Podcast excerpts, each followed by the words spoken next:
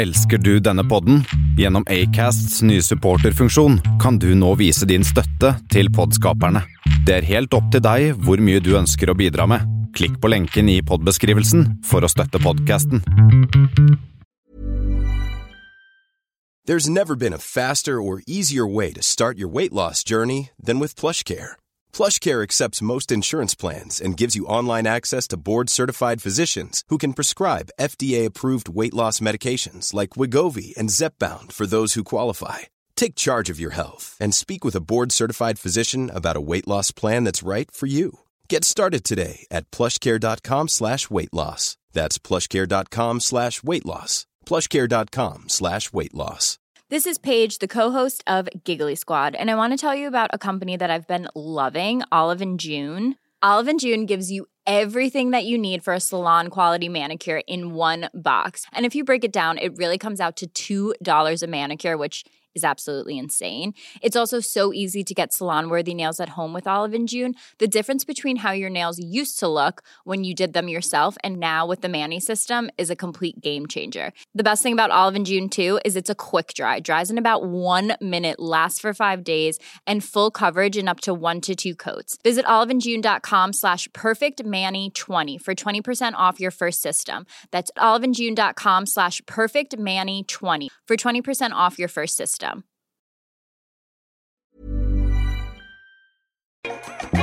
Hei, mitt navn er Håvard Razan og velkommen til Ikke sant. Dagens gjest er en gjest jeg kjenner eh, bedre enn de fleste gjester jeg har hatt i stolen foran meg. Um, en gjest som jeg kjenner både gjennom jobb, som en venn, som en bror. Vi har hatt mange uh, unike opplevelser sammen. Vi har vært i et kreativt kollektiv sammen. Vi har eh, eh, på en måte vært på alt fra ferier til eh, familieselskaper til hva ikke sammen. Eh, en person som står hjertet nært, ikke bare for meg, men for alle som lytter til han også. Jeg snakker jo da selvfølgelig om Arif, som er født i Oslo, artist og låtskriver, prisnominert Spellemannvinner eh, fra Nora Collective, fra Zanzibar, fra Oslo, fra Bærum. Og vi skal snakke om hans historie i dag fra boka Third Culture Kids, som heter Psykiske krigssoner. Hei. Velkommen, Arif. Takk for en fin intro, Også. Selvfølgelig, mann. Hyggelig. Det er egentlig en intro som jeg skulle ønske hver gang jeg går gjennom sånne introer, at jeg, at jeg skrev de ned i forkant. For at sånn, oh shit, jeg kunne sagt mye bra om Nei, brorsan. det, er, det er rapperen eh, slash eh, forfatteren slash skribenten i deg som bare får det til å virke lett. Tar det på strak arm. Yes, sir. Hvordan går det med deg, bro? Det går bra, altså. Hva skjer om dagen? Mye studio. Ja?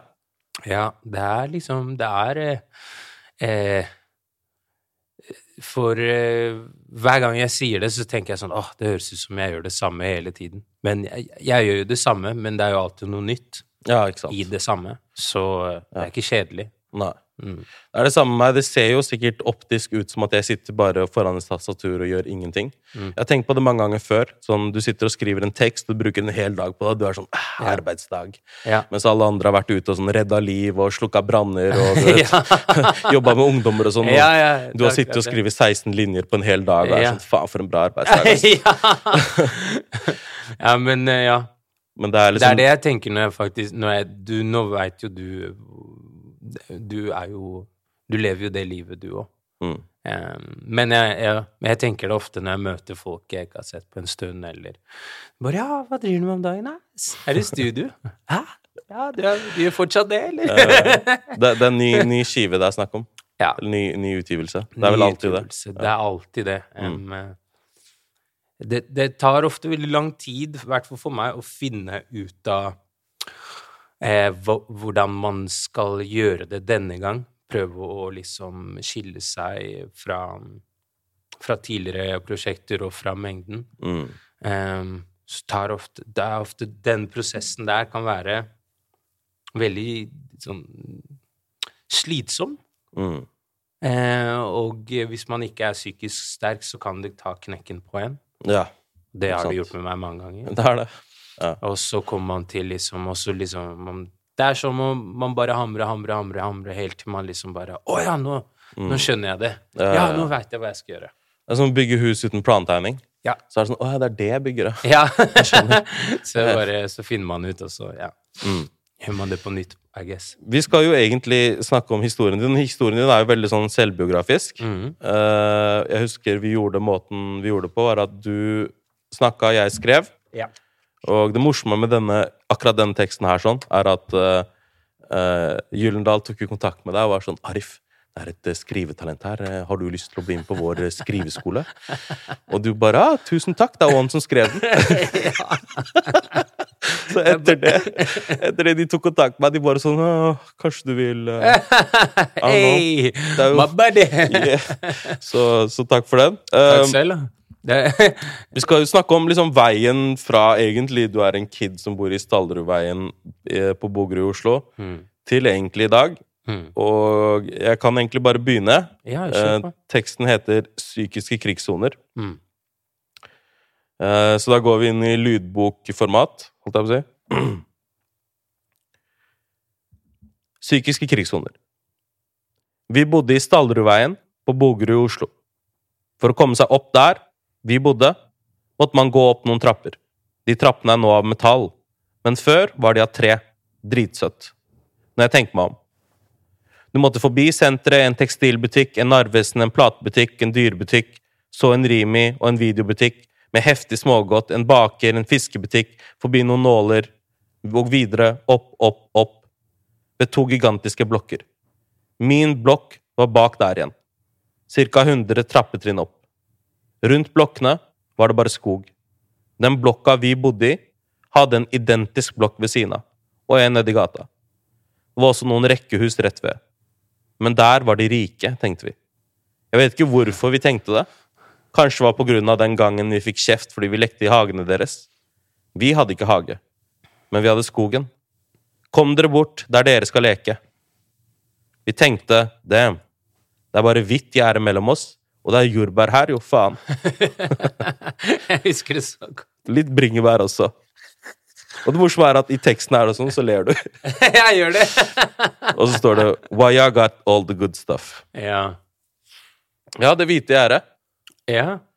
Så, så på den tiden så var det klasseskille for dere, ikke sant? De hadde Ja. hager, og var det rekkehus å snakke om? Ja, ikke sant. Det, det, det som var bare Altså, dette gjerdet var jo For en, en gjeng med nysgjerrige kids, så var jo ikke det gjerdet en utfordring. Det var bare å hoppe over eller finne en vei under eller et eller annet sånt der. Men det var bare Man er jo nysgjerrig, ikke sant. Man, man, hele, hele nabolaget er liksom en sånn svært, svær gigantisk univers. Mm. Så skogen var liksom en egen planet, og og denne siden av gjerdet var en egen planet, og så går du på andre siden. Der hadde de Jeg husker var et sånt stort tre med masse store maur. Det var veldig fascinerende. Okay. Bare, å, se på den, da! Den var dritstor! og så ved siden av det Og det var liksom et gigantisk tre. Jeg vet ikke Det var liksom Det var masse Det var litt sånn råttent, da. Nederst ved roten. Så masse maur der, og så en del maurtur rundt, da. Men de maurene som var inni treet, var liksom annerledes enn de maurene Ja, samme. Alt var veldig fascinerende, og ved siden av det var liksom markjordbær og ditt og datt. Men det var alltid så rent og fint på den siden av gjerdet. Ok. Ja. Um, og det var sånn Ja, folk hadde jo biler på min side av verden, altså blokkene, men det var liksom sjeldent Det var jo stor parkeringsplass, stor parkeringsplass der, men tenkte liksom ikke over det. Det var på en måte Mm. Mens på andre siden så var det litt finere biler. De var alltid, det sto ofte Det var en fyr som alltid sto og vaska bilen sin når det var liksom fint vær. Ok. Han hadde fin bil. Han har en fin bil. Og den ser jo som kid Man veit ikke hva som er liksom, uh, Å, det er Mercedes, men hans var alltid så clean og bare sånn tjing, shiny, liksom. Sikkert pakistaner. Hvit BMW. Nei da, men eh, det, det jeg liker veldig godt med den starten, er at du egentlig så beskriver du Det er to ting som jeg husker jeg tenkte på den tida. Det var ene var at uh, jeg har alltid lagt merke til at uh, ka- Jeg vet ikke om dette er en, et særtrekk for uh, uh, kultur, eller om det er særtrekk for området. Men alltid når jeg, hørte, alltid når jeg har hørt historier om det er fra deg, fra uh, venner av deg, om det er Zain, eller om det er venner av meg, altså Haben osv. De er alltid så descriptive. Liksom, dere, du, du, det er ikke sånn, Jeg måtte ikke finne på Det er veldig litterært av deg å Mm. liksom starte så descriptive sånn som du gjør. Yeah. Og samtidig så er det sånn Du starter med Du starter med en sånn klassisk epleslang. på en måte. Mm. Det er veldig Mm. relaterbart for alle. Men så går historien videre, da. Mm.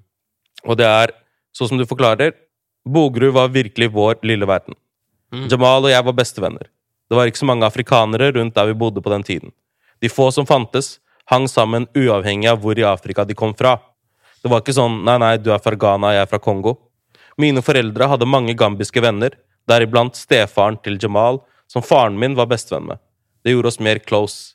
Lik bakgrunn og like fraværende fedre. Vi snakket ikke om problemer, vi bare lekte. Kanskje derfor jeg alltid har vært glad i gambere. Jeg har vokst opp med mange av dem. Um, og så går det videre til at du forklarer litt mer om denne vennen Jamal. Mm. Jamal var veldig følsom, men viste det aldri. Mamma fortalte meg at han en dag hadde kommet hjem til oss da jeg ikke var hjemme. Mamma hadde lukket opp døren og sagt 'bare kom inn om du vil'. Han satte seg ned på sofaen og huffa. Mamma ler av det der ennå. Han var som en liten, gammel mann, og han, satt, og, og, han, ha- og, og han hadde bare sittet og sett ut av stuevinduet. Moren min spurte 'hva er det for noe'? Vil du ha noe mat? Han bare nei.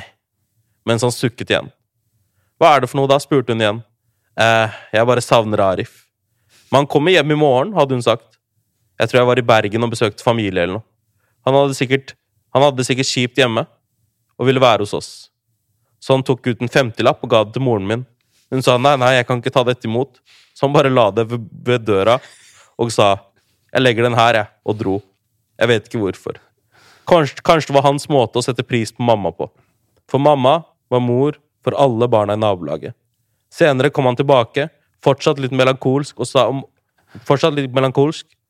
Mamma sa 'Jamal, går det bra?' Han svarte nei, eh, det går ikke så bra. Men kan jeg få den femtilappen tilbake?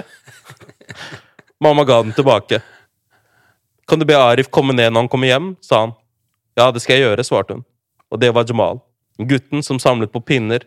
Hver gang han så en pinne, pleide han å bøye den.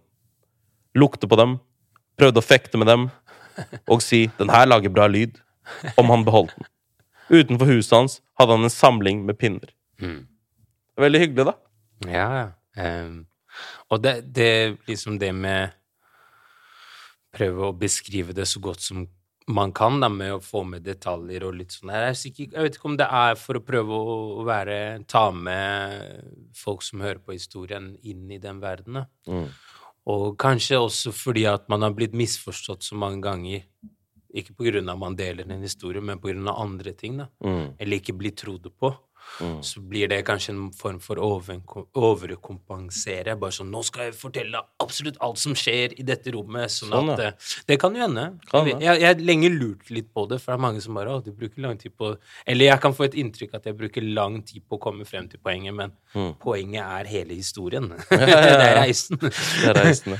Men eh, jeg, jeg, så jeg sitter og lurt litt lenge på hvorfor eh, jeg gjør det, og mange andre. Mm. Men ja, Jamal, er eh, fantastisk fyr. Um, Førstevennen min, han eh, Han er så uredd. Mm. Selv når vi ble litt sånn ungdommer. Han var eh, Han var, eh, han var aldri noe sånn som skulle slåss. Han sto opp for alle sammen hele tiden. Mm. En eh, ledertype type uten på en måte å si 'jeg er lederen'. På en måte Mm. Vi valgte han som en slags leder, for han var Naturlig leder. en naturlig leder. Han var morsom. Han, han cracka jokes, han kunne synge, fant vi. Plutselig så bare begynte han å synge, og han sang dritfint. Eh, og liksom Alle hadde sine roller, da. Mm. Det var han, og så var det en som var liksom den sterkeste, som uten tvil var liksom den som beskyttet oss Mm. eh, sånn rent fysisk. Og så var det han som var Jamal var liksom megler. Mm. Eh, Han kjente folk her og der, og han, mm. han var ikke redd, da. Mm. Han tok kontakt med folk, og det gjør han er fortsatt en sånn fyr som ikke er redd for å bare Mm. snakke med en person som går forbi. Eh, og veldig Veldig tilgjengelig, selv om han har en stor familie nå. Mm. Han er veldig tilgjengelig for oss rundt ennå, og veldig eh, Han er veldig sånn bekymret og vil passe på at alle har det bra. Om det er snakk om da eh, religion, da, så er han veldig han vil på en måte hjelpe deg med å komme inn til paradis. Ikke på en sånn tving, tvinge deg, men liksom okay, ja. sånn Hei, man, alt bra. Husk at sånn og sånn og sånn, og så lenge du har det bra med deg selv, og så lenge du har troen Veldig sånn at, attentive Ja, jeg, jeg skjønner. Ja. Jeg skjønner. Og det er sikkert riktig når man selv er muslim og hører sånne ting. Mm. Men uh, det er noen som drar den her litt for langt, altså. Ja, ja, ja, det, begynner det, å snakke på vorspielet sånn med folk. og Ja, ja, ja. Det er ikke bra, mann, det Han, han, her, han her finner det ikke på vorspiel. Det det, det Men er eh, det er jo klart, det er noen, det er noen av de, og alle, i hvert fall når det gjelder alt som alt annet, i hvert fall tro, så har man jo forskjellige faser, Mm. vil jeg mm. se for meg. Jeg i hvert fall hadde det, og eh, det veit jeg de som er eh, mye mer praktiserende enn meg, også har Mm. hatt, der hvor de var eh, kanskje litt in your Eller som var veldig in your face, da. Til og med dukka opp på Force, der hvor det er liksom Bro, Mm. Ja. det her er ikke tid og sted å snakke om dette på. I'm drinking, man. Det det. ikke få meg til å føle meg enda dårligere enn det jeg gjør, allerede gjør, liksom. Ja, det er det. Og man vokser opp med den dårlige samvittigheten der. Altså. Mm, man gjør det. Man gjør det. Men eh, det, det- jeg syns er veldig fint her, er at du også forklarer litt av moren din, og den rollen moren din har. på en måte. Og eh, fortsatt, i en sosial sammenheng, så har moren din fortsatt den energien som du liksom snakker om her, sånn, om å være mor for alle i området. Mm. Liksom. Hun, hun blir jo det også hvis vi Sånn som de gangene vi har vært på grillfest hjemme hos deg. og sånt, sånn, Hun er jo sjefen der. Liksom, Ja, en ja, uten tvil. Sånn er det jo. Mm. Um, men du, med andre ord, du har fortsatt kontakt med Jamal? På sett Ja, og ja. vis. Jeg har kontakt med alle boysa. For å ta historien videre om deg og Jamal også. Mm. Det vi hadde til felles, var at ingen av oss hadde fedre som var til stede. Jamal hadde en stefar som var veldig god venn med faren min. De hadde hatt sine kriger. Du vet, tidlig i Norge. Unge menn som ikke får jobber. Og så kom vi barna, som fikk lite fokus. Vi så dem aldri. Men faren til Omar, en kompis fra Bærum, som ofte var på besøk hos Jamal, han var der litt. Og med Omar og en annen venn fra Drammen, Rakim, stiftet vi et brorskap. Det var et slags hierarki der. Sosialt eller med jenter. På fest, når det gjaldt intelligens, bøker eller skole. Det var et hierarki i alt. Rakim var god til å slåss. Jeg var nummer to. På TV-spill var Omar nummer én, uten tvil. Sport, jeg var nummer én. Alle respekterte hierarkiet. Omar var ofte han vi kødda med, og oss imellom kunne vi kødde så mye vi ville. Men ingen skulle komme og leke deilige. Vi var der for hverandre. Ja, det er den gjengen du snakka om. Mm. Det er de du vokste opp med. Mm. Vi har vært venner i over 30 år. Det er helt sykt. Det er fint, da. Det er kjempefint. Hvordan eh, går det med alle nå, da? Eh, vet du hva? Alle har barn utenom meg. Seriøst? Det gikk opp for meg nå! Alle gutta boys har barn utenom meg. Altså. Ja, da er det bare snakk om tid, da. Det er bare snakk om tid. Eh, ja. Alltid hatt lyst på barn. Ja. Men jeg er rett person, vet Ja, det er det, vet du. Det det. Eh, Jeg, snakket, jeg har tenkt på det her selv. Altså, jeg blir 33 år i år. Faen, jeg måtte tenke. Jeg er 33 år i år. Mm. Uh, og det her er det året da faren min fikk meg. Han var 33. ja.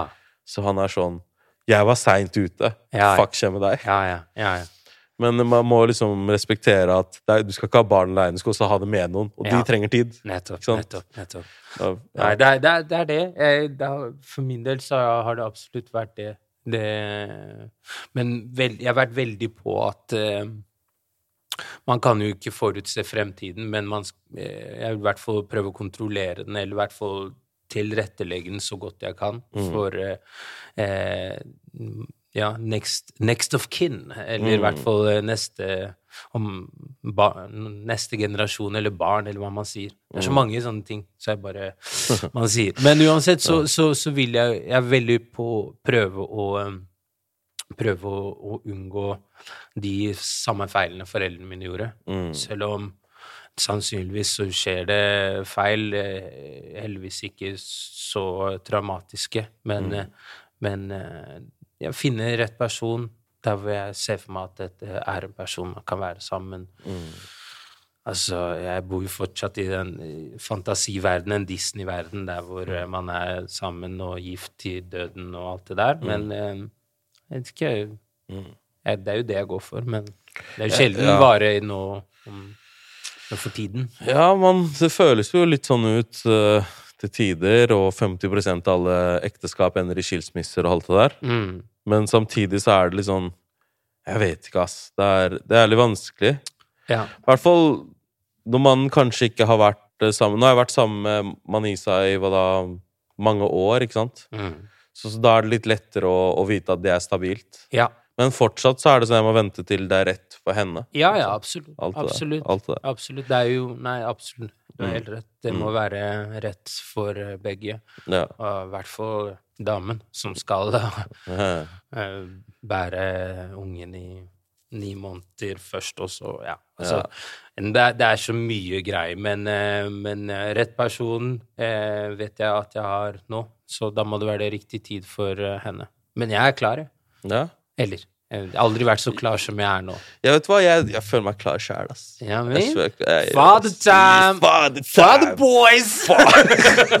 hey, we're the father boys. Welcome to our Yeah, man, talk about kids being a father all the time, man. Gotta be a father like father was a father for Christmas. I hate going to kindergarten, man. Dritpositiv, men plutselig bare You know what? I hate going to kindergarten, but I'm there for my kid.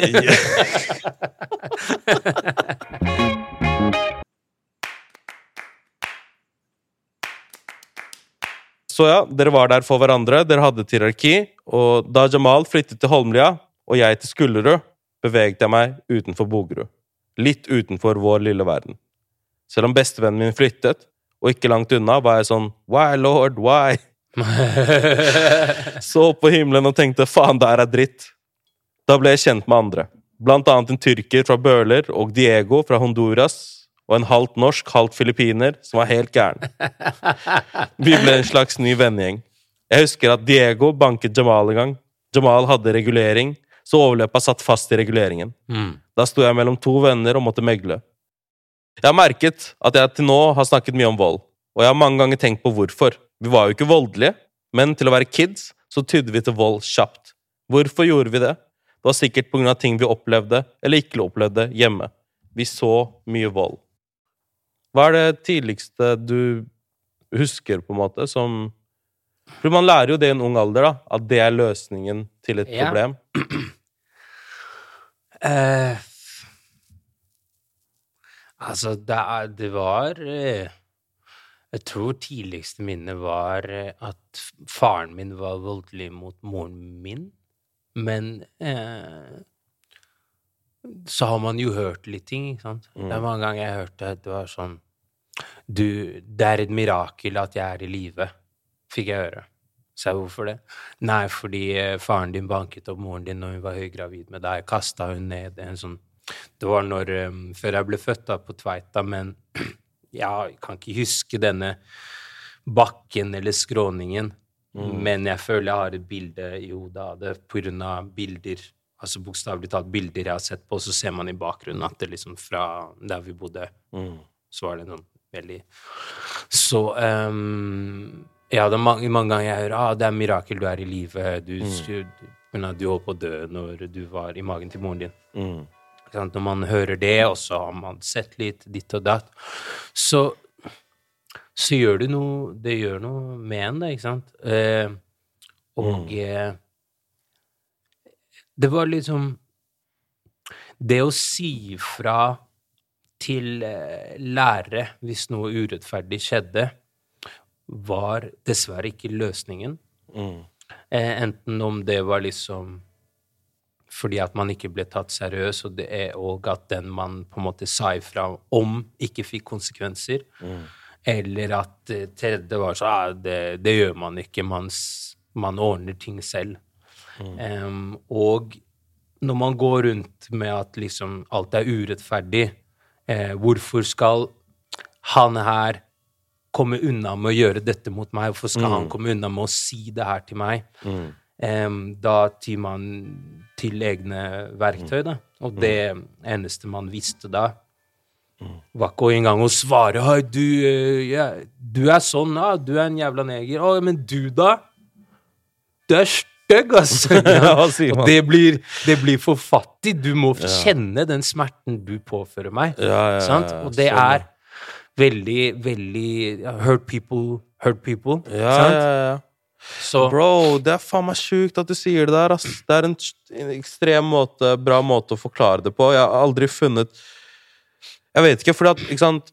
Ba, bare vent litt på den jævla faen. Hva skjer- Church hva skjer church time. church time, preacher, preacher! Hvor lenge varer den, liksom? Er det som i gamle dager at det står en fyr og gjør sånn, liksom? Eller trykker du bare på en knapp? Jeg tror det er en knapp nå.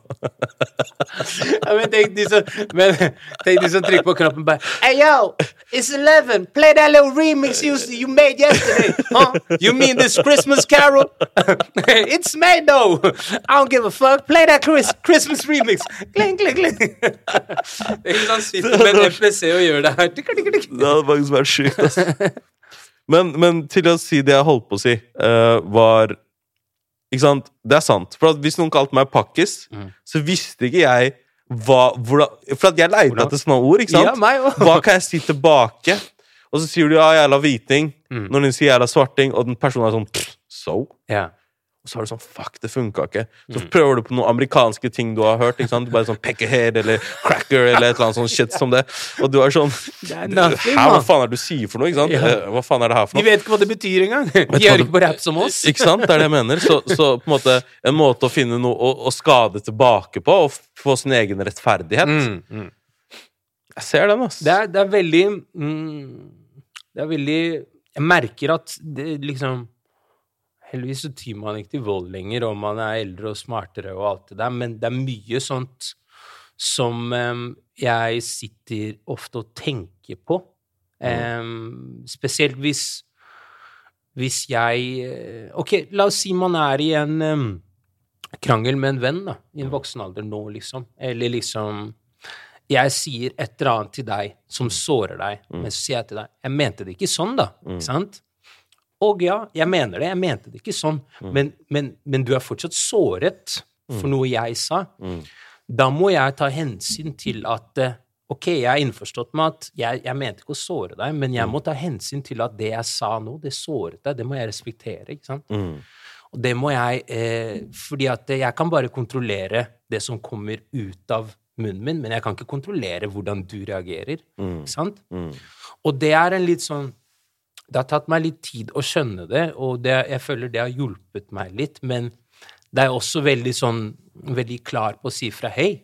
Hei, men du tråkker litt Hei, det du sa nå, det her sårer meg, selv om det kanskje er en La oss si jeg hadde sagt noe sånn Noe så enkelt som ah, Kom igjen, da. Nå må du slutte å grine, ass, og nå whiner du for mye. Kan hende du whiner som faen akkurat nå, men jeg må få lov til å la deg få lov til å whine hvis det er det du trenger å gjøre. Ja, så igjen, så når disse gutta da sa eh, Kalte meg ditt eller datt, og jeg ble lei meg, så fikk jeg ofte ikke liksom tid til å være lei meg. Wow, han sa det til deg! Wow, du må gjøre sånn, ass! Ja, det er sant, ass. Hva, hva skal du gjøre med Hva det, skal bro? du gjøre med Han det, kalte deg pakkis, liksom. Hva skal du gjøre med det? Eller hvis man sa ifra til han fyren Ja, hvorfor kalte du meg jævla neger? Ja, men du er jo det! Get the fuck out my face! Ja, altså. Da blir man jo sånn What? What? Først kaller du meg det her, og jeg sier fra det her er ikke bra, jeg liker ikke at du kaller meg det, Mm. og du respekterer ikke det. I gotta do something. og i tillegg folk rundt deg bare Hva faen skal du gjøre? Da, Ja. Og, og man snakker ikke om disse erfaringene senere. Liksom. Nei, Og det er litt sånn til låta deg og Stig nettopp kom med, Mm. med utgivelsen eh, Bluesbruterne. Eh, gutt, uh, vi snakker aldri sammen. Mm, Gutter snakker aldri sammen. Og det, det er jo egentlig samme fenomen her også, med, med, med barna i tillegg. mm, mm. Mens jenter kanskje er litt lett eh, flinkere på å prosessere følelser og snakke om dem. For at igjen, de tyr ikke like oftere til vold heller, da. Ja, det er det, er, det, er det altså. Og um, heldigvis, liksom um, Det er jo sjeldent jeg er i situasjoner i dag der hvor noen sier et eller annet weird til meg, med mindre det er eh, bak eh, en skjerm eller foran en skjerm i et kommentarfelt eller noe sånt. Og det tar, tar, går helt fint. Men hvis jeg blir såret av noe en jeg er glad i, eh, sier til meg, eller jeg sårer noen jeg er glad i, så, så er vi såpass voksne, og jeg stoler på at det du hadde sagt da, du Arif, du såret meg, jeg stoler på det, og det kommer jeg til å ta hensyn fordi at jeg er glad i deg, og jeg bryr meg om deg, eller hvem som helst andre i eh, livet mitt. Da. Og, eh, så heldigvis har vi kommet til det, det steget. Ikke det at man hadde Ja, så kan man fortere bli ferdig med det. Får du lov til å prosessere det jeg har sagt, og eh, alt det der. Men før så var det liksom Det var ingen som sa eh, Ok, men du er såret, ja. Ok, men nå må du ta deg tid til å tenke. Eller nå får du lov Fikk ikke tid til å tenke eller reagere, eller fikk ikke lov til å føle på ting. Så merker eh, Jeg er veldig glad og stolt for, disse, for mennesker jeg har rundt meg, som har lært meg disse tingene med tiden. Ja, altså, ja, folk og, og livet. Du deler jo litt av erfaringen her, Mm. hvor du sier Rundt den tiden ble jeg kjent med norske barna for første gang. Mm. Han jeg hang mest med, var Stefan og fetteren hans, Christian. Mm. De bodde ved siden av hverandre. Jeg var mye hos Stefan.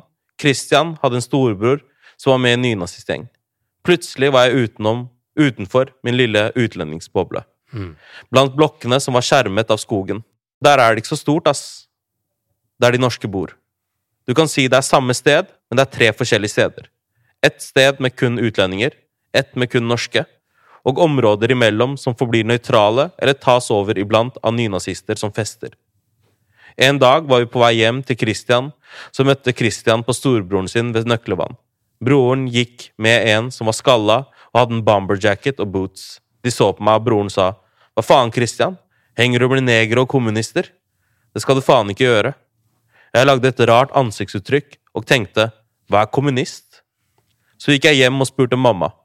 Mamma lo. Men det var ikke så morsomt. Så forklarte hun hvorfor folk sa sånn. Hun ga meg en sånn du er spesiell Arif-prat. Sånn mama talk. Jeg sykla alltid fort til og fra Stefan. Alle sansene var på vakt. Det var sånn if you're black, go back-vibe. Mm. Det var likevel en del av Bøler som føltes trygg, der vennene mine bodde. Det var nærmere senteret, der de fikk en kebabsjappe til slutt. Alt annet var skummelt.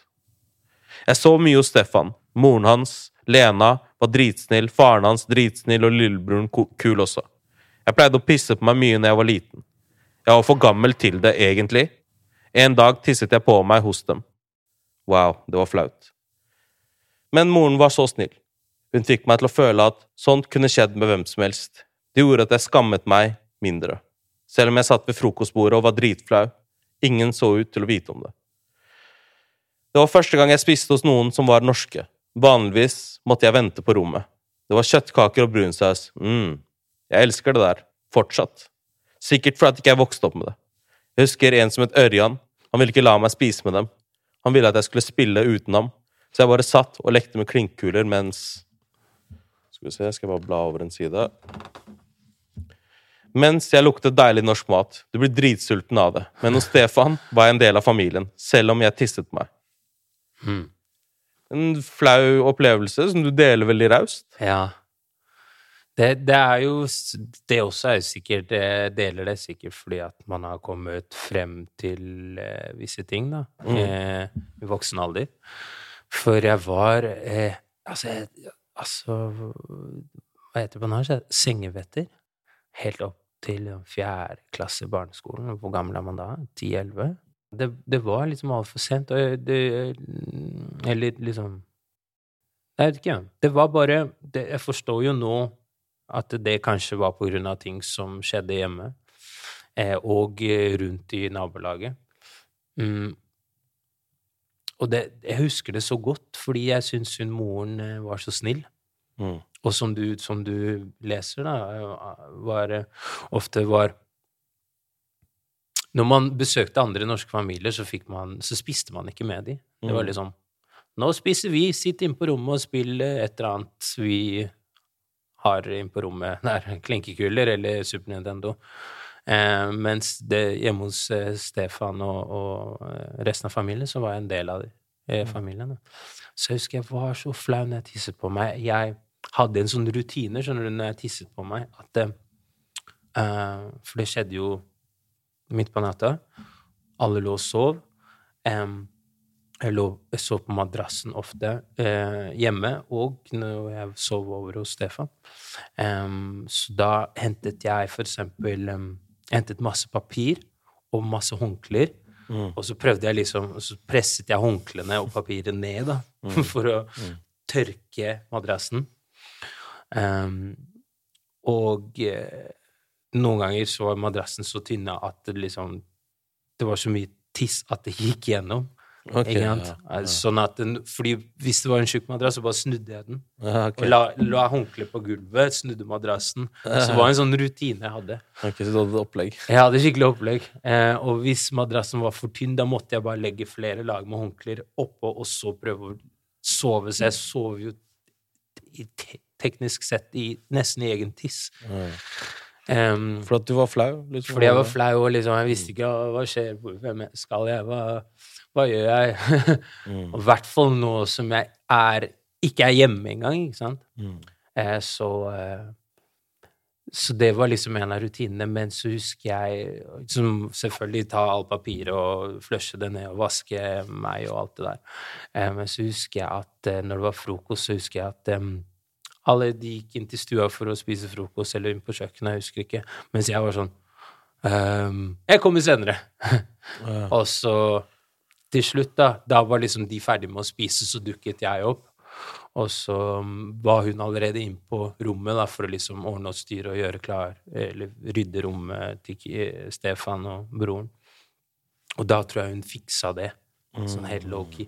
Og jeg husker jeg hadde skikkelig panikk. Bare å, shit, hun merker det. Hun er jo så snill, og bla, bla. Ja, kan måtte bli sur på meg. Ja, hun kan bli sur på meg, og, ja. men hun lot som ingenting. Hun bare smilte og var kjempehyggelig og glad. Og, han faren òg, han var sånn mm, sånn, Ja, skal jo spille fotball? En sånn norsk pappa. Det er sånn I know everything, but I ain't gonna tell. Let's go play catch! ja. Så Ja, men det er jo Det er jo Deler jo det litt for uh, at man har funnet ut av det i voksen alder, hva grunnen til, til det er, og kanskje det kan uh, Noen der ute kan relatere til det.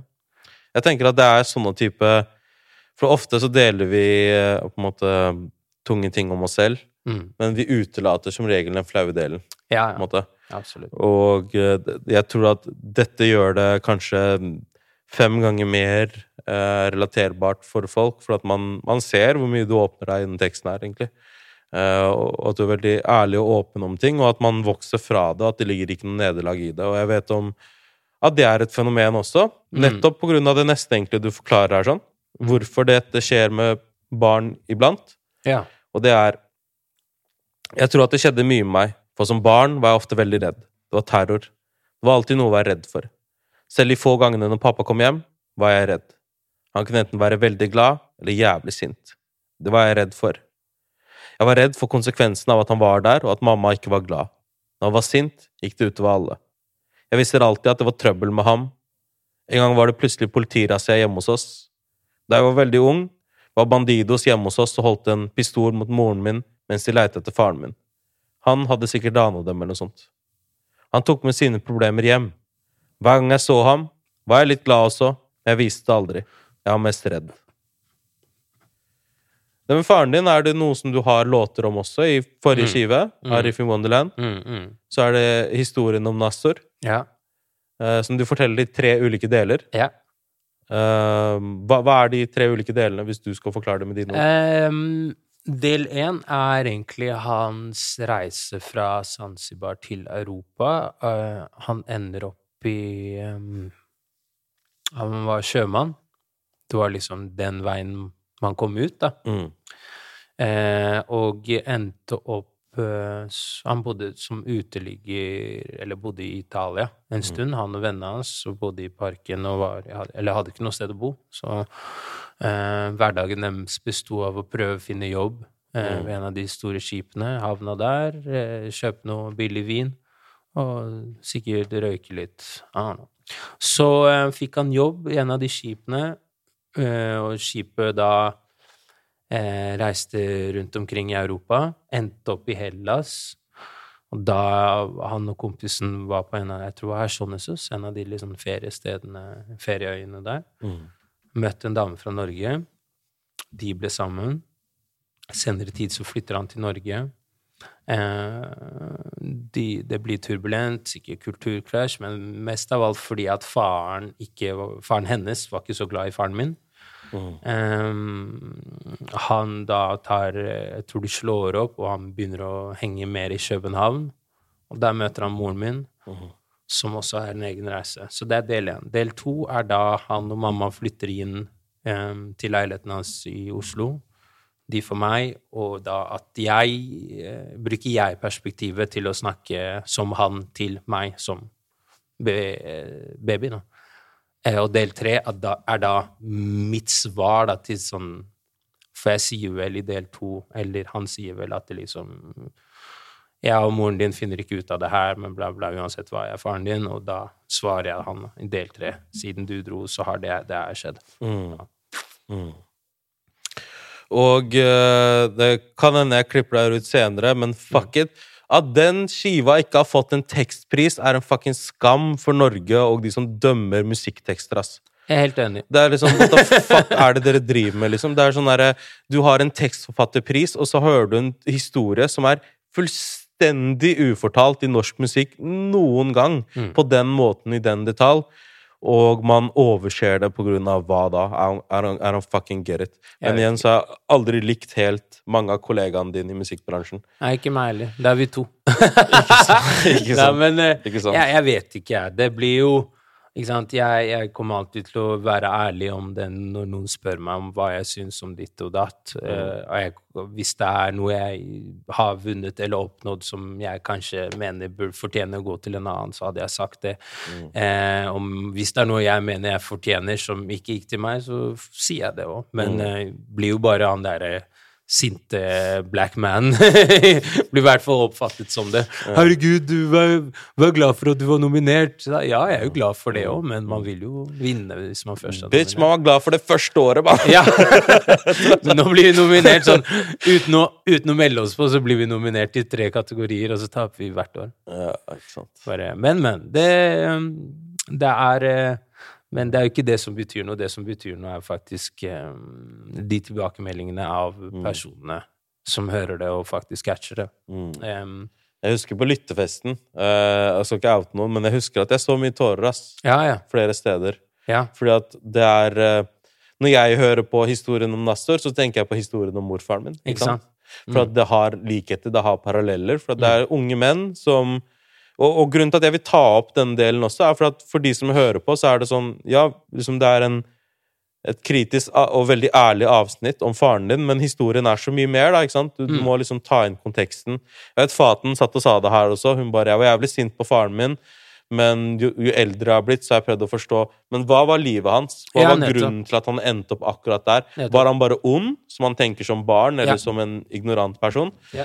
Eller var det noe mer til det? Hvorfor blir mennesker sånn? Ja. Og, og for de som lytter på denne podkasten, eh, hvis du vil høre mer om akkurat den delen, så har du jo tre veldig fine låter om det også.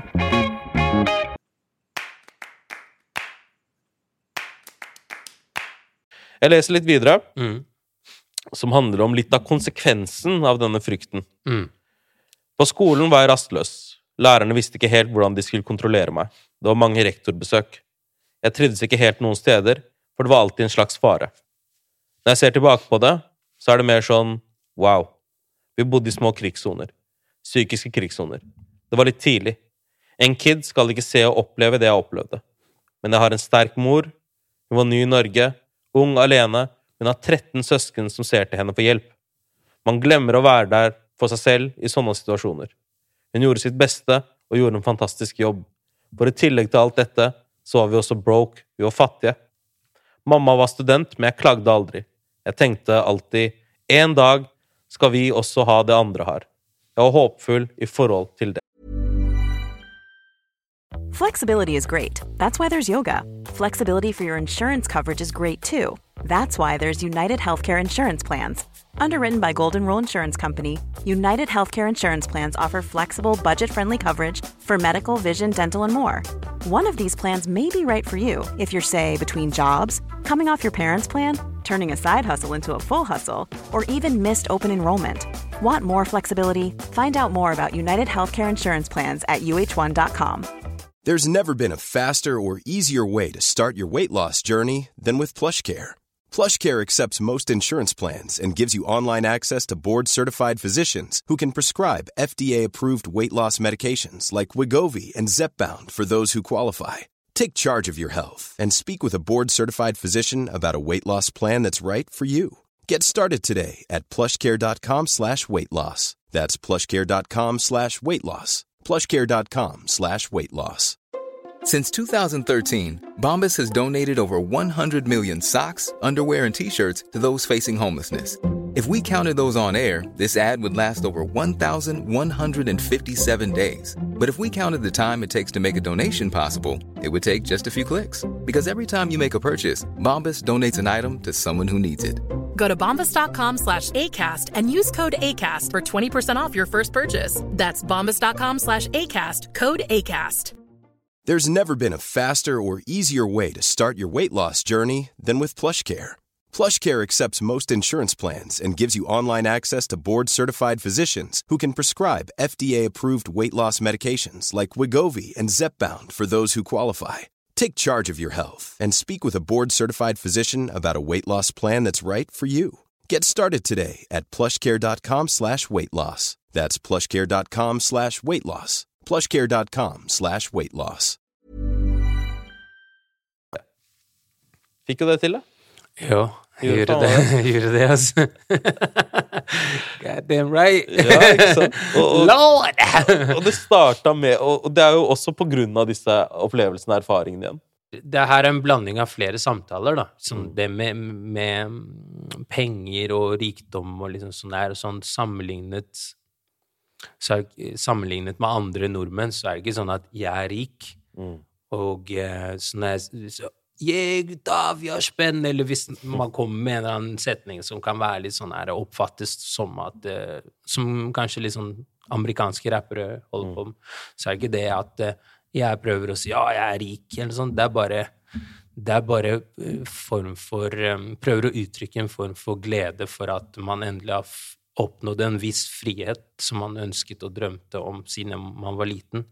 Så det er ikke nødvendigvis pengene. Det er mer den friheten til å kunne gjøre hva penger kan Eller penger er frihet til å gjøre litt hva man vil, da. Det er faen meg det.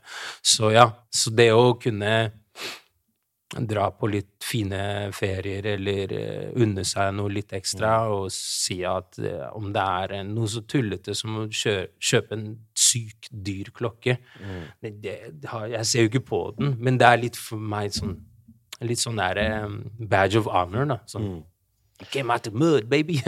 Mm. You did it! From, from, uh, from ashy to classy, som ja, sier. ja, ja. Men hvor var vi igjen, da? Det med konsekvensene av det? Ja, vi var på sant? konsekvensen av det. Ja, fordi mm. Det er jo noe man, man kjenner på til den dag i dag. Det er ikke noe som går bort. Mm. Man kan kanskje jeg, jeg prøver til og med når, når det skjer noe som jeg anser som 'Å, dette her er skummelt', eller 'dette er farlig', dette her Eller det er en eller annen sånn alarm i kroppen eller hjernen som sier 'Nå er det Dette her er ikke bra'. Mm. Um, man- noen kaller det fight or flight, andre kaller det fright, flight og fight. Det, Men den, den eksisterer skikkelig. Når jeg Hvis jeg em, Det kan være en så enkel ting som å krangle med en jeg er glad i. Mm. Da kan jeg bli sånn Det rister i hele kroppen min. Seriøst? Mm. Hvis det er en skikkelig krangel. Ikke fordi at um, uh, Det er sikkert en blanding av 'Å, nå er jeg så sur', eller 'Å nei, nå har jeg gjort denne personen så sur'. Mm. Skjønner? De to tingene der. Det, det, det, det, er, det er skikkelig trist, fordi at det er en skikkelig påkjenning på meg, og den påkjenningen eh, kan jeg ikke uttrykke på en annen måte enn med ord. Men hvis personen ikke er villig til å høre på ordene mine, eller at jeg ikke klarer å formidle meg bra nok, så kommer den personen aldri til å skjønne hva dette gjør med meg, da. Mm. Og det er, det er skikkelig slitsomt da å gå rundt. Og jeg veit at eh, det, mange kan relatere til det her, ikke sant. Men det, det vil jeg tro kommer fra den tiden her, da. Om at eh, hvis ikke dette skjer nå, så går alt til helvete. Å nei, alt kan ikke gå til helvete. Man, blir, man dramatiserer det mye mer ofte, da. Eh, og man kan også ende opp med å si veldig stygge ting da, som man ikke mener, fordi at man er så sint og bare «Ah, 'Du forstår meg ikke! Fuck you!' Ja. Men det, det er fordi at Det er også fordi da gjør- at ja, da gjør man det verre. ja, man gjør det mye verre. Og, og i tillegg til det så er det jo fordi at man Du prøver alle mulige ord, men de ordene er ikke gode nok. Mm. Så du går til hva skal jeg si, egentlig billigere løsninger. Å banne og, og kjefte. Banne, Og, kjefte eh, Fuck deg, mann! Jeg er for god for det her. Det er sånn, what? Mm. Hvorfor sier man sånn? Det er så stygt å si, liksom. Eller Det er bare Det, det fins bare sånn ladede setninger man bare Alle har de her. Eh, trenger ikke å ha gått gjennom så mye tøft nødvendigvis, men alle har jo hatt krangler. Alle har hatt en eller annen form for rollemodell som har vært veldig sånn eh, skjerp deg-opplegg, da. Ikke sant? Det er noen setninger, jeg kommer dessverre ikke på de nå, men som er så ladet, da, som man ikke skal si til folk som eh, Jeg vet ikke om de er lei seg eller deprimert, eller bare sånn «Ja, men Herregud, jeg ser, ikke, jeg ser ikke at du er deprimert, jeg! Ja, ja, ja. Man ser ikke sånne ting. Man, man, jeg tror den, En av de verste du kan si til noen som virkelig sliter, er 'skjerp deg'. ja, den er skikkelig dritt. Så det er sånn. Å ja, ok, jeg skal bare ta meg sammen. da. Ok, Ja. bare gi meg to min, bro. Ja, den er skikkelig dritt. Den er dritt. Ikke sant? Og, For- ja. og eh, igjen, det, den personen som sier det, kanskje er skikkelig lei seg selv, eller, Mm. eller føler han eller hun har gjort så mye. Ikke sant? Men noen ganger så må man bare la personen være litt, eller kanskje bare finne en eller annen måte å komme inn på, den som er trist på. Bare hei, istedenfor 'hei, du, nå må du skjerpe deg'. Si 'hei, hør nå'. Jeg har prøvd som bare det her. Jeg vet ikke hva jeg skal gjøre. Hva er det som er problemet? Hvordan kan vi løse det her? Jeg vil bare løse det her. Det er ikke meg, det er ikke deg. La oss som et You know? Det er det, altså. Og det er en bra ting. Når man faktisk vil løse ting. Ja, når man vil det, ikke sant? Det er veldig viktig. Når man vil løse ting, man kan løse ting. Ja. Bro, jeg har sett folk i egen familie, andres familie, brødre som har vokst opp sammen, vært gjennom så mange hardships, snakker ikke med hverandre lenger. Ja. Hvorfor det? Over en eller annen sånn der respektaktig ting. Men så har jeg tenkt sånn, ja, de kan jo bare avslutte det hvis de vil. Så har jeg innsett, ah, men de vil ikke. Mm. ikke? For det er ofte noe mer Mm. som kanskje er flaut for en av dem å prate om. Mm. Jeg har opplevd det selv, der hvor uh, folk har snakket med meg når de har drukket litt. Mm. Og så har jeg sagt 'ring meg på mandag, bro, så kan vi løse det'. Gått mange mandager siden, ass. Ikke blitt en jævla telefon. Mm. Men sånn er det. ikke sant? That, That's life. Det er livets veiskiller. Ja. Uh, og man vokser, og man lærer, og så behandler man kanskje neste forhold bedre. Sånn er det med damer òg. Ja, ja, absolutt. Eller menn, hvis man er into det. Ja, men, du, men det er akkurat det. Det må liksom være villig til å løse. Det er veldig viktig, det du sier. Det er viktig, For det er, eh, det er en ting som kan bli litt sånn lost in translation, eller midt oppi det, da. Ja, ja, herregud. Du kan kalle ting for eh, fredsbevarende tropper eller fredssamtaler, men hvis det er Russland og Ukraina og ingen vil, så ingenting kommer til å skje. Du Ja. kan snakke så mye du vil. I don't want peace! I want problems! Always! Det er det vi snakker om! Akkurat det vi snakker om. Ok, ok. I hvert fall, jeg, jeg må um, speedrunne lesinga litt. Mm. Eh, da hvor jeg leser neste del. Det handler om at du begynner å bli eldre. Mm. Jeg begynte å bli eldre. Jeg snakket om sex uten å vite hva det var. Folk eksperimenterte med rus, og jeg og Jamal sigga. En venn av oss hadde en far som alltid sov. Han jobbet på tollpost på natta. Det stinka alltid sigg der, så vi bare gikk dit og tok siggen til faren hans og satte oss inn i skogen for å røyke, selv om skogen også var en farlig sone for oss. Vi hadde en hytte der, og en tau knyttet fast til en stor gren og en liten klippe som vi tok løpefart og hang i. Det var vårt lille hemmelige sted. En dag, da vi skulle dit, hadde nynazistene fest. De tente bål og drakk seg drita. Dårlig fest med stygge jenter. Facts. elever ler alltid her òg. Jeg pleide å spionere på dem. I tillegg var det pedofile der. En av Norges mest kjente pedofile, Thomas Quick, gikk rundt i disse områder. Han blotta seg for meg en gang, men det er en helt annen historie. I skogen som vi elsket, var det folk som enten ville pule oss eller banke oss. Da vi ble eldre, ga det negative utvalg for mange. Folk rana nå, og var sinte på verden. Jeg ble med noen ganger for å stjele mobiler og ting fra publikum under VG-listeshowet. Det er det som gjør det ekstra paradoksalt å stå på den scenen der i dag. For mange år siden var det helt annerledes. Moren min oppdaget det her. Hun luktet sigg og alkohol. Jo mer hun kjeftet, desto mer dritt gjorde jeg. Derfor flytta vi. Mamma spurte meg hva jeg ville bli, og jeg sa fotballspiller. Hun spurte meg hvilket lag jeg likte best. Det beste laget jeg hadde spilt mot, var Stabæk på Norway Cup, så jeg svarte det. Og jeg begynte på Stabæk skole samme år. Ingen venner, bare Omar og hans storebror, som var jævlig, jævlig hard. Han var storebroren til oss alle. Han tok en farsrolle for flere av oss. Eller nei, jeg kan ikke si det. Da hadde han vært en jævlig dårlig far. Men en god storebror var han. Tough love hele veien. Han hadde damebesøk, og vi pleide å luske. Han pleide å banke oss. Folk på skolen var kalde mot meg. Men jentene var snille. Jeg ble sammen med hun ene, som var den fineste i klassen, og da ble det enda mer trøbbel av. Jeg dro likevel til Oslo hver helg. Hver helg. Jeg likte meg ikke på Stabekk. Det som reddet meg, var fotball, for jeg var god i idrett. Der fikk jeg meg venner. Jeg begynte på laget og ble en viktig brikke. Da ble de avhengig av meg på laget. Og de tok seg tid til å bli kjent med meg. Jeg ble invitert på fester nå. Var, her var flere ting som var veldig annerledes enn fra Skullerud, spesielt når det kom til hjemmefester. De hadde det ofte. Det skjer ikke på Skullerud. Ingen var hjemme alene. Hvis foreldrene dine var borte, så var sannsynligheten stor for at søsken eller tante var hjemme. Aldri ferie. Hytta? Hell no. Vi hadde ikke hytte. Kanskje vi tok danskebåten eller en Sverigetur for å kjøpe billig mat.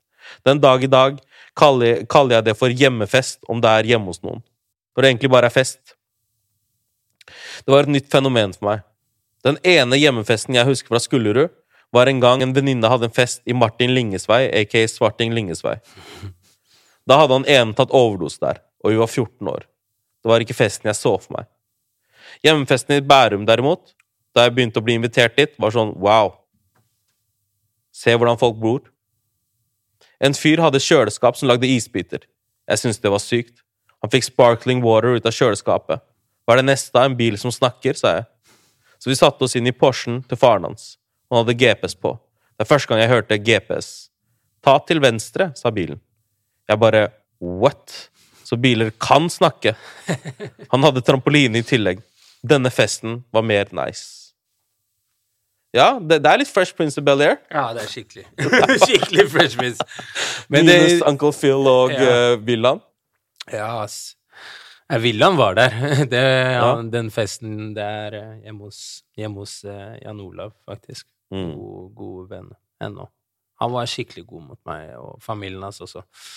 Men det var helt sykt. Det var bare Ja, det var helt to forskjellige univers, ass.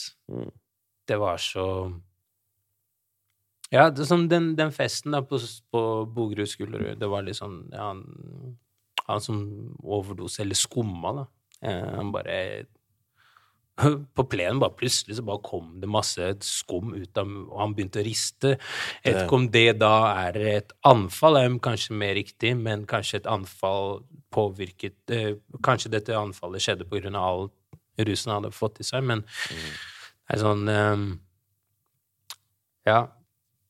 Det var to helt forskjellige verdener. Mm. Eh, men det tok lang tid å få venner i Bærum. Mm. Det var eh, så alle mulighetene jeg fikk til å dra tilbake til Oslo, og da henge hos eh, Jamal på Humlia eller eh, kompisene mine på Skullerud, så sov vi over der hver eneste gang. Mm. Eh, det tok ja, jeg vet ikke, kanskje to-tre år før jeg liksom begynte å mm. trives ordentlig i Bærum. Hvor gammel var du når du flytta dit? Um, vi flyttet Jeg gikk syvende klasse der. Siste halvår, syvende klasse. Og åttende, så 13. Eh, 13. For skoleåret startet i august. Da jeg akkurat fylt 13, så tror jeg begynte vinteren liksom mot skoleslutt, da. Det mm. året, halvåret. Så du gikk rett inn i ungdomsskolen der? Jeg gikk, det var liksom noen måneder barneskole, rett inn i ungdomsskole. Mm. Og den eneste vennen min der var jo han eh, brutter'n, men eh, han fikk ikke jeg lov til å gå i klasse med på ungdomsskolen fordi læreren Vi gikk i klasse sammen. Mm. Så læreren hadde ringt Ringstadbekk og bare sagt har ikke sett de to i klasse sammen fordi at eh, de to det er sånn eneste, min, min, eneste trygghet da, var han. Okay, Vi fikk ikke lov til å gå i samme klasse sammen.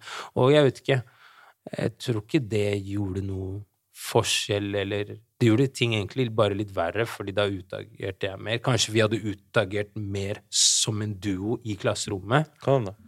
Det kan jo hende, men eh, det var ikke sånn at lærerne var jo glad i verken meg eller han på ungdomsskolen heller. Så det første Første året ungdomsskole jeg tror kanskje jeg hadde det dårligste snittet av alle. Såpass, ja. Mm. Jeg bare Jeg var så rebelsk. Jeg brydde meg ikke om noen eller noen ting. Ikke meg selv engang. Det handler også om for liksom andre å høre at ok, så, så du vokste opp med, i et nabolag der hvor du hadde én utenlandsk venn. Ja. Du, du, du, dere hadde kjempegøy på den persons bekostning, men så det, det er konsekvensene, eller det er sånn det føles da, for, for, for Mm. mange. Og jeg er sikker på at du følte det mye mens du var der sånn, og så driver du og snakker om et skille her, sånn da, som jeg syns Ja. er veldig interessant. Eh, Og det her er vel siste side av det også. Så hvis du har noen etterord, så kan vi ta det etter denne lesebolken. Eller to, kanskje jeg deler opp i to. Oi. Uka etter ringte noen venner fra Bogerud meg. Jeg fortalte om festen jeg hadde vært på. Deilige damer og fine hus, og de bare 'la oss bli med'. Neste gang tok jeg dem med. De tok T-banen helt til Bekkestua og gikk derfra. Jeg møtte dem der og gikk med dem til festen. Vi kom dit, og folk var fulle. 13-14-åringer. Jeg drakk ikke. Jeg var mye eldre første gang jeg drakk for å bli full. Jeg lot som en gang for å få kjærlighet av en jente. Å, du må hjelpe meg, jeg er så full. Alle de andre gjorde det. Men ja, jeg kom meg dit med gutta. Og de begynte å rane stedet, sakte, men sikkert og diskré.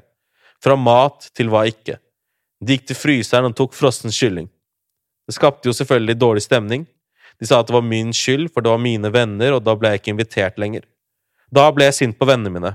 Yo, act like you got some sense. Det er ikke rart at de hater oss. Det er ikke rart at nordmenn syns vi er wacke når vi stjeler maten deres, telefoner og TV. De var mer sånn Jeg gir faen i om de hater meg. De hater oss uansett. De hadde ikke noe erfaring med nordmenn. Kun nynazistene i området. De ble, det ble sånn De hater oss. Vi hater dem mer. I Bærum var det mye fremmedfrykt. og ofte en slags bro for dem. Iblant et alibi. Folk sa ting som 'Du er kul til å være neger'. Jeg tok meg ikke nær av det, og spurte 'Hvor mange negere i anførselstegn kjenner du?' Nei, det er jo bare deg, da. De var bare naive. De visste ikke bedre. Jeg var midt imellom og følte at jeg visste bedre enn begge kanter. Midt imellom hat og fordommer. Omar pleide å kalle meg FN. Han sa det var fordi at jeg var han fyren som datet chicks, norske jenter, som ikke hadde datet en afrikaner eller en utlending før. Etter det så fortsatte de å date utlendinger. Mange caber vil ha meg nå på grunn av deg, pleide Omar å kødde med. så FN Brobygger. Brobyggeren. Ja.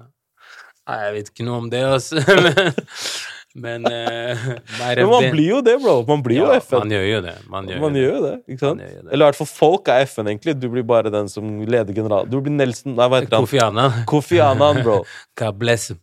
Ikke sant? Uh, nei, altså, vi Man tenker jo ikke så langt, da, som, som uh, ungdom. Man er jo bare hypp på at eh, mine nye venner skal komme overens med mine, til, eller mine første venner. Mm. Ja, så, og når det skjer, så er det jo bare dødskult. Og eh, det føler man på en måte bekjemper rasisme på en bra måte, sånn sett. da. Mm.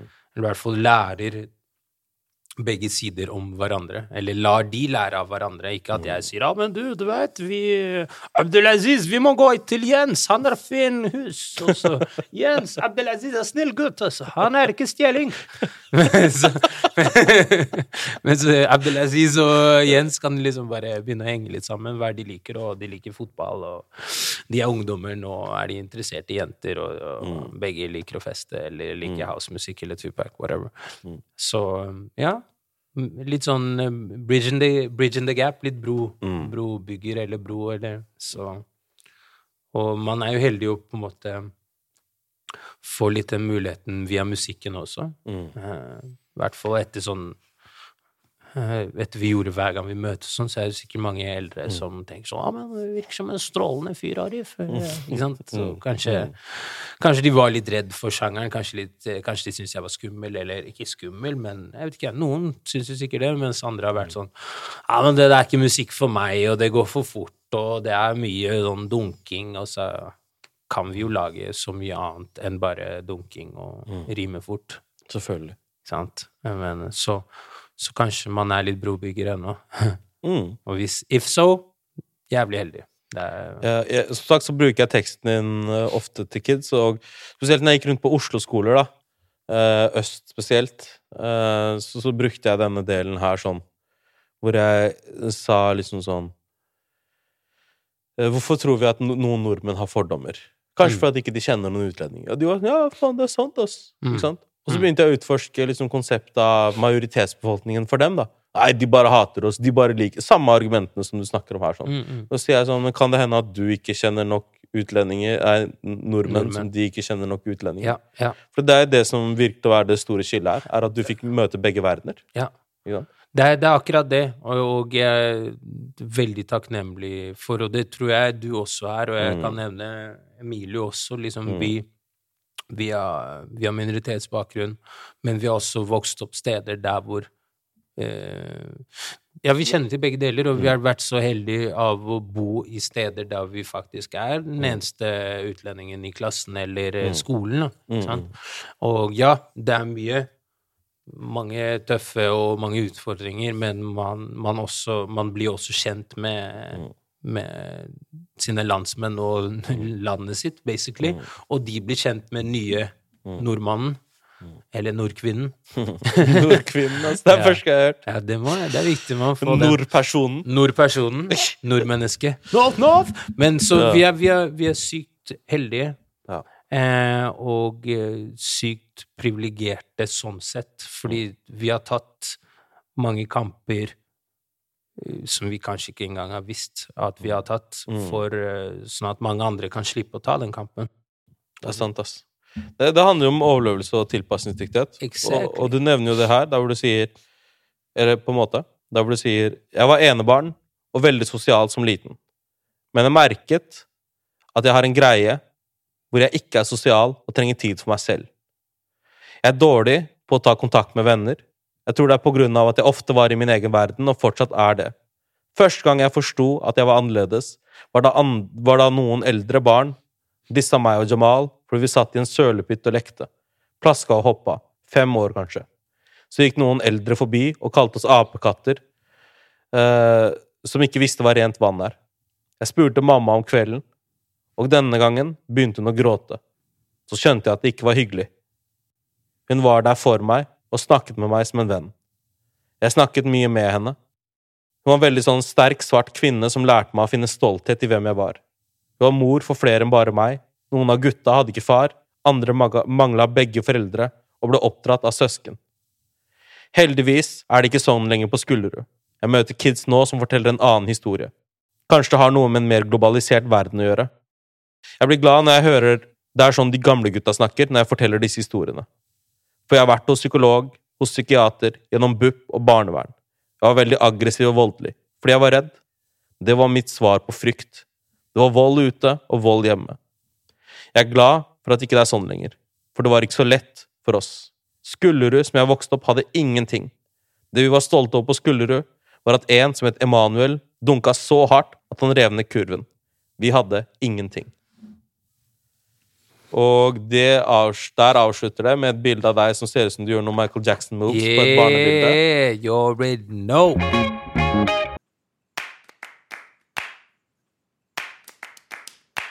Hva føler du når du hører teksten i etterkant? Eh, mange bilder som popper opp i hodet. Mm. Og var gøy å høre på. Eh, lenge siden. Mm.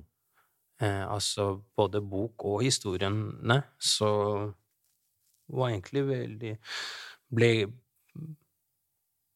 Ble rørt og litt stolt og Mm. happy, egentlig. Mm. Mm. Definitivt. Jeg, jeg tror at det er mye med denne historien som er å være stolt av. Ikke nødvendigvis eh, nederlagene eller det at man vokste opp med å føle at man var aggressiv og de tingene, men at man har vokst fra det. Ja, nettopp. Jeg tror det er mange som trenger å vite at det er ofte en måte å kommunisere på som ofte når du ikke du kanskje vet hvem du er, Mm. eller har blitt den du skal være, og kanskje for at du blir utfordra av verden. Vi må ikke liksom ta vekk skylden i majoriteten i det her. Mm. Eneste fellesnevneren jeg finner med folks historier i denne boka, Mm. Er ikke at deres opplevelse av å være minoritet var lik, Mm. men majoritetens reaksjon til at de var minoritet, den er som regel lik. Mm. Deres indre opplevelse er forskjellig. ja. Mens folk utenfra, du får høre det samme. Ja, ja. Jeg vokste opp med Vi snakker ikke om deg, vi snakker om de andre. Klassiker. ikke sant? Jeg har også vokst opp med at eh, Jeg husker jeg hadde en venn, jeg skal ikke si navnet hans. Uh, Starta nynazistgjeng senere i livet. Eh, og jeg, ja, han lekte sammen når vi var barn. Og det er grunnen til at jeg, er redd for, jeg var redd for hunder ganske lenge i livet. Ja, ja, Ok, ja, så, ja, så jeg står. Vi leker alltid i liksom gata utenfor. Mm. Og når han skal spise Han er så redd for at jeg skal dra hjem, at han vil ikke at jeg skal forbli ute i gata. Men foreldrene vil ikke at jeg skal komme inn i huset heller. Som barn jeg tenker jeg vet faen jeg. Jeg bare, ok, jeg er åtte Ja, ja. år. ikke sant? Ja, ja. Så løsningen da ble ok, du skal ikke, ikke være ute i gata, for han er redd for at du skal dra hjem. Mm. Så du kan vente i hagen. Da fikk jeg gå gjennom huset, ut i hagen, og de visste jeg var redd for hunden. hunden. Så de slapp ut hunden, så de hadde noe å le av. Og jeg står der som åtteåring, bare sånn fryst, ikke sant, og, og, og liksom opplever, opplever det her. Og senere så var jeg redd for hunder. Så redd at jeg husker jeg spurte mamma bare sånn Hva er det hunder vil, faen? Hva er greia, liksom? Og hun bare Når de bjeffer, eller når de er sånn, de vil bare bli kjent med deg. Så jeg har en veldig sånn Jeg vet, jeg vet det, men dette forklarer jo mye når vi har gått. og så- Det var en liten sånn chihuahua her, så du bare Hey, dog, what you do? Nei, det var kanskje Bastian sin dog, den lille. Helt i starten. Ja, helt i starten bare Hey, man, what you doing over here? Er sånn, Lille hunden fra masken, liksom. Hey, man! Du, du står liksom og rapper med han sånn Hey, dog, get out of my face! Men det var første hunden jeg ble liksom glad i. da Så Mm. etter det så er jeg ikke så redd for hunder lenger. Jeg har fortsatt en sånn, Hvis jeg ser en hund løpe, så er det en sånn, der, sånn reaksjon i meg som er sånn Hva skjer nå? Men jeg må bare sånn, ok, det er ingenting som det er bare hunder. Ja. Så jeg er ikke så redd for det nå lenger. Men jeg var det lenge i livet. Jeg husker at jeg gikk til en sånn butikk, dagligvarebutikk, og så var det sånn var det albanere i gata, eller liksom i nabolaget vårt. Det var mange albanere, men en av dem hadde tre storebrødre, sånn svære karer, liksom. Og han ene hadde en sånn der klassisk DMX-rap-video. Ja, ja. Sånn. Og den bare sto bjeffa som faen! Og jeg prøver å rope til den her Hei, jeg heter Ron! Skjønner du? Jeg prøver Ja. å rope til den, men den fortsetter å bjeffe. Så jeg prøvde å finne løsningen på de tingene. Og Shit. jeg la weird historie jeg segwaya ut i, men poenget med det er at ting setter spor, ikke sant? Som åtteåring og så videre. Men hvis Ja. jeg aldri hadde vokst fra det, så hadde det vært fortsatt flaut for meg i dag. Ja. Og jeg vet at det er mange som har disse tingene, og det er bare sånn jeg er. Ikke sant? Mm, Ja, jeg skjønner at det er sånn du er, men du kan vokse fra det. Du kan bli Nettopp. Det er viktig. Det er veldig viktig, det du sier. For jeg, jeg føler den derre ja, men Det er bare sånn jeg er. Ja, men la oss prøve å utvikle oss her, da. Mm, mm. Fordi det, det mm,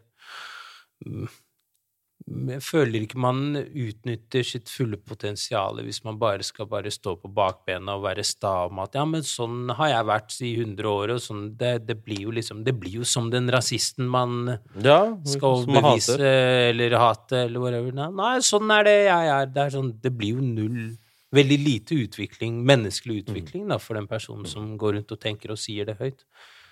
Så Avslutningsvis, Arif. Mm, Du som er en stemme som mange unge mennesker hører på. Jeg er sikker på at det kommer til å være flere unge lyttere på denne episoden enn det det er på episoder generelt. Jeg merker det ofte når det er eh, gjester som kids ser veldig opp til, at det er en høyere andel kids som hører på. Mhm. Så er det mange som har hørt på denne historien, hørt på dine erfaringer, Ja. hørt på de tingene du sier. ja. Som et etterord, eller som en avslutning, basert på denne historien, og historien du forteller til vanlig i musikken din. Mm. Hvilke tips vil du gi til unge mennesker som vokser opp i dag i psykiske krigssoner? Bare en annen versjon av det du gjorde i dag. Hva var din Jeg vet det er jævlig vanskelig spørsmål. Jeg ber deg liksom basically holde en tale på slutten her, men ikke, ikke nødvendigvis. Men det. Uh, det kan være overlevelser, uh, triks, det kan være Ja. whatever. Ehm.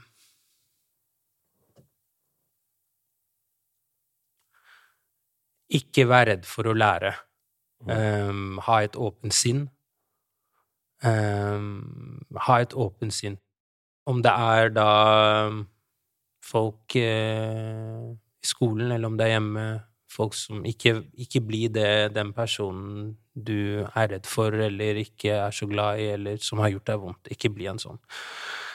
Um, åpent sinn, prøv å lære så mye av eh, av eh, folk rundt deg.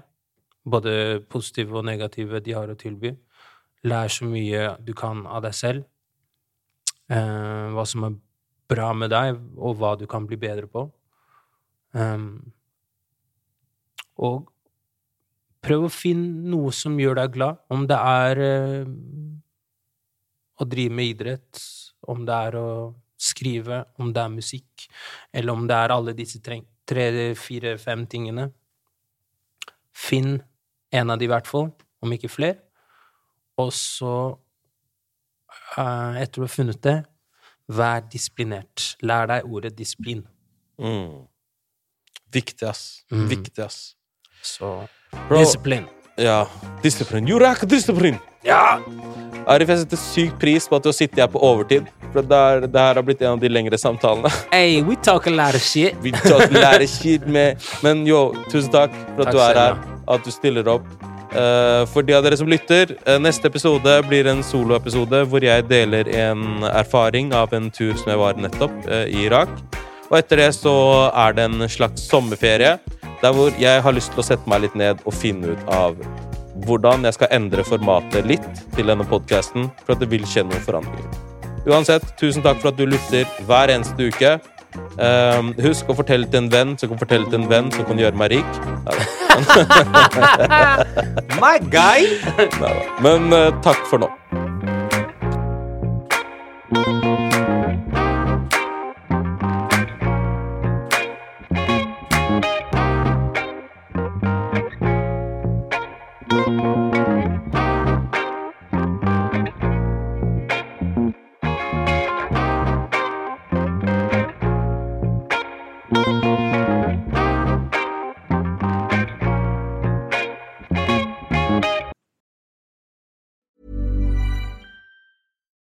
Here's a cool fact a crocodile can't stick out its tongue.